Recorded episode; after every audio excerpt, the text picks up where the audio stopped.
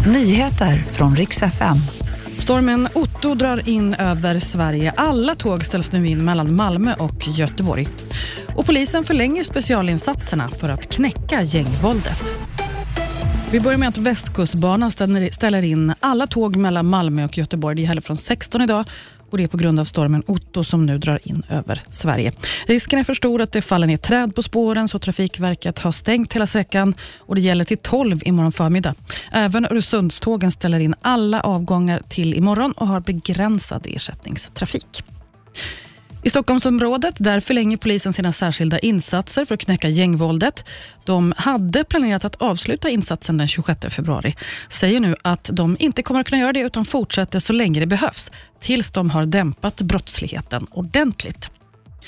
Och imorgon så är det alltså den tredje deltävlingen i Melodifestivalen och det här bjuder på flera kända namn även den här helgen. Nordman gör comeback efter 15 år. För den som gillar dansband så gör Casanova sin första mellopremiär.